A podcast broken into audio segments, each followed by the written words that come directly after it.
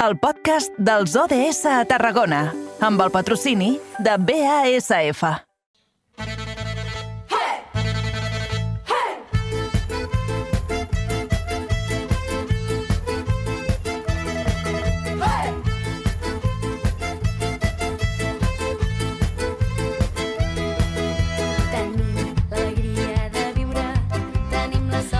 I com els hi dèiem en el sumari d'aquesta horeta de programa, i encetem l'hora parlant dels ODS, els Objectius de Desenvolupament Sostenible. Aquest dimarts ens centrarem en l'ODS número 5, que ens parla de la igualtat de gènere, com cada 15 dies acompanyats del cau de llunes. Aquest cop parlarem de joguines, però sobretot de joguines que encara promouen els estereotips sexistes i per entendre com podem vi- evitar aquestes joguines i així capgirar la situació, saludem a la nostra convidada, l'Olga. Molt bona tarda i benvinguda, Olga. Bona tarda. Olga, anem una mica a, al gra. Anem a ser directes. Les joguines per Nadal continuen promovent estereotips o no? Sí, cada cop menys també, però continuen perpetuant molts rols i estereotips de gènere. Això ho podem veure en qualsevol catàleg de joguines que hi ha en aquests dies, no? que hi ha unes pàgines roses, unes pàgines blaves, i quin tipus de joguines eh, hi ha a cada, a cada pàgina, no? Aquesta su- és una de les principals coses, eh? El rosa per les nenes, el blau pels nens, i això no, no hauria de ser així perquè els colors són de tots. Evidentment, i també qualsevol infant pot jugar amb qualsevol joguina, no? Perquè veiem també que les pàgines roses, que són per les nenes, són de nines, de cuinetes, de, del que seria també les tastes pues, portades al joc. I aquelles que, que eh, volen anar adreçades als nens, que són les, les que les fiquen de color blau, doncs són eh, jocs més tecnològics, jocs més d'acció, i, i aquí ja estan associant doncs, certs rols eh, i certs eh, comportaments dels nens i a les nenes, no? I, i és el que volem evitar una mica amb tot això. Si ens haguem de posar en la pell dels pares i les mares que han de comprar aquestes joguines, no? Um, com podem evitar eh, comprar una joguina que estigui promovent aquests estereotips sexistes? Bueno, jo crec que, que és molt fàcil, no? Eh, que és, és molt evident en aquest, eh, en aquest cas, que és, dius, bueno, mm, primer eh, escoltar què volen eh, les criatures, però també pensar una mica de dir, vale, què li estic ensenyant amb, amb aquestes joguines, no? Perquè també, bueno, igual que també no volem promoure eh, la violència, doncs tampoc intentem no, no regalar eh, joguines violents, doncs també vols eh, expandir i eh, la curiositat de, de les criatures eh, no reprodueixis estereotips que ja veuen. I ja que uh -huh. també parlem de, de comprar, crec que també és interessant eh, pensar qui compra aquestes joguines perquè també fer les compres de Nadal en general també és una tasca de cura que no, que no tenim en compte normalment que també genera molta càrrega mental, moltes preocupacions, no? De, que- d'assegurar-se de que tothom té el regal que li toca, eh, que hi haurà el tio, hi haurà els reis, hi haurà tot, i, i això és que gairebé sempre també són les dones, no? que és, és una cosa que, que no, és invisible, que no es veu, i per aquestes festes de Nadal passa amb moltes coses, que, que la, la feina reproductiva, la feina de casa es multiplica exponencialment i l'assumeixen les dones. Mm -hmm. Uh -huh.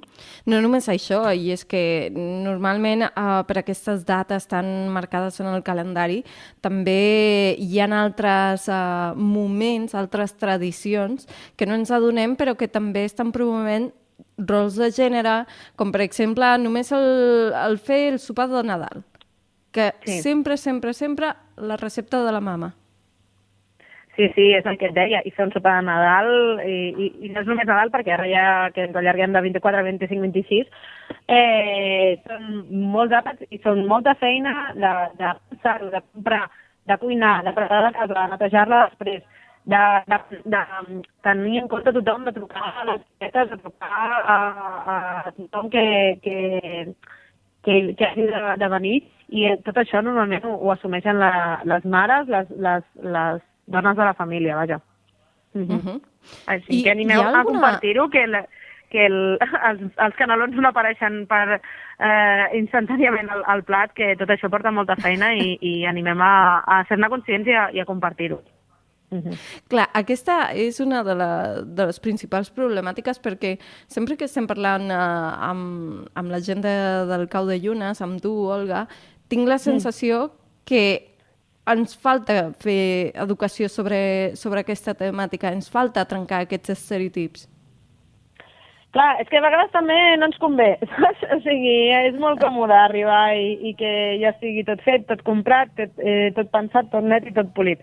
Eh, I clar, eh, adonar-te de, de, de la feina que, que això comporta, doncs a vegades dius, ui, aquí igual m'he de revisar alguna cosa que jo faig malament. Eh, I això a vegades doncs, ens incomoda, no?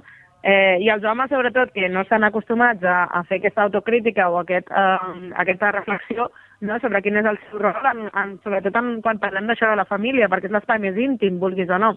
I, uh -huh. i qüestionar dinàmiques que s'han fet tota la vida, doncs és complicat, és complicat.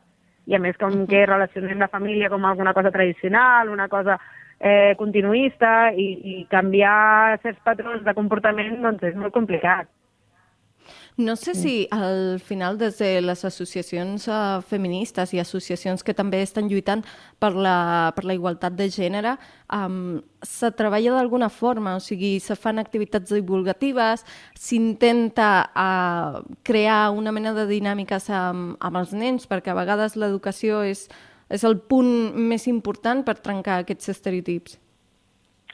Sí, sí, sempre i s'han fet campanyes. Pel tema aquest de les joguines sí que se n'han fet, també l'Institut Català de les Dones en va fer, en va fer un, eh, una campanya que estava molt bé, eh, sobre joguines no sexistes, eh, i també es comencen a fer d'aquestes de, del tema de la, la càrrega del Super Nadal i també de qüestionar fins a cert punt la família com a pilar fonamental de la, de la socialització, perquè eh, al final també famílies n'hi ha moltes i, i no tothom té la família que, que li recolza, li dona suport o que no és un espai segur, les famílies, no?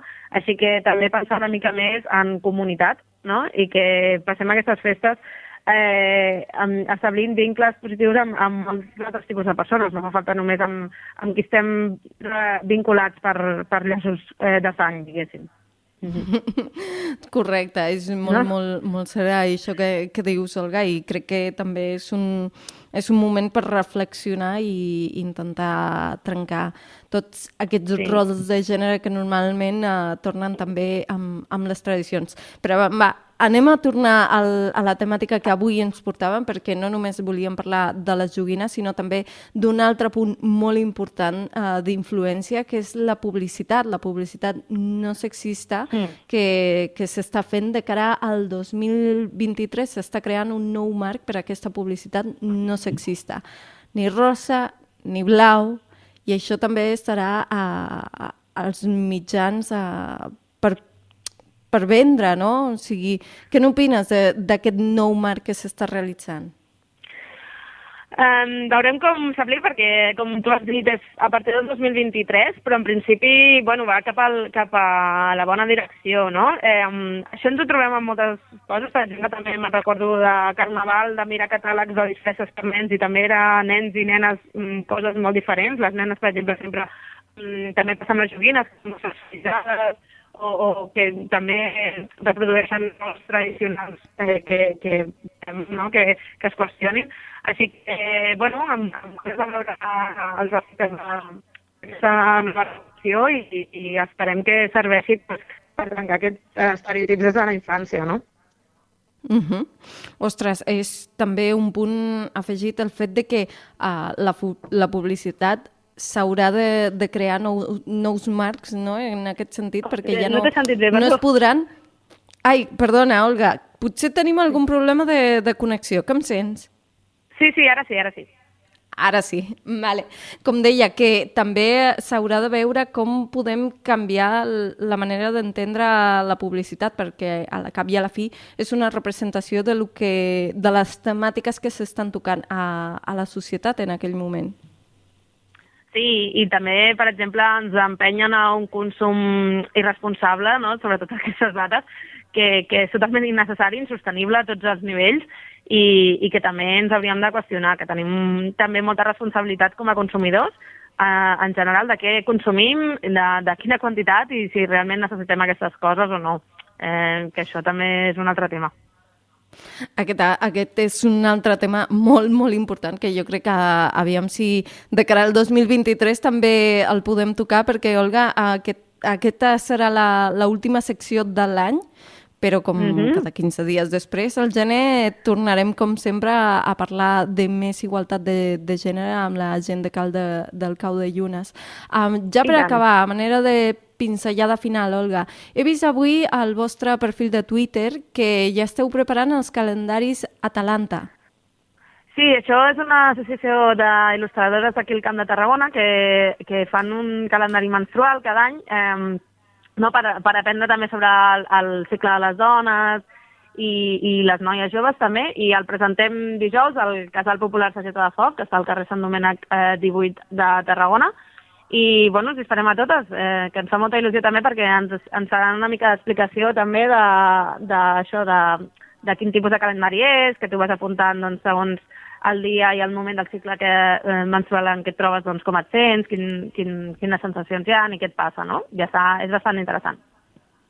Ostres, és una altra, és una altra forma també de mirar uh, la menstruació i de, de fer-la factible també per tenir un, un control. Per cert, uh, no sé si ho has dit, però els calendaris ja estan disponibles o encara no? S'ha d'anar a la presentació del 15 de desembre o ja els eh, podem podeu, trobar? Podeu venir a la presentació, però també els venen en llibreries i en altres indrets i també podeu, si veneu a les nostres publicacions, també podeu contactar directament amb aquestes eh, il·lustradores que, que també us el facilitaran.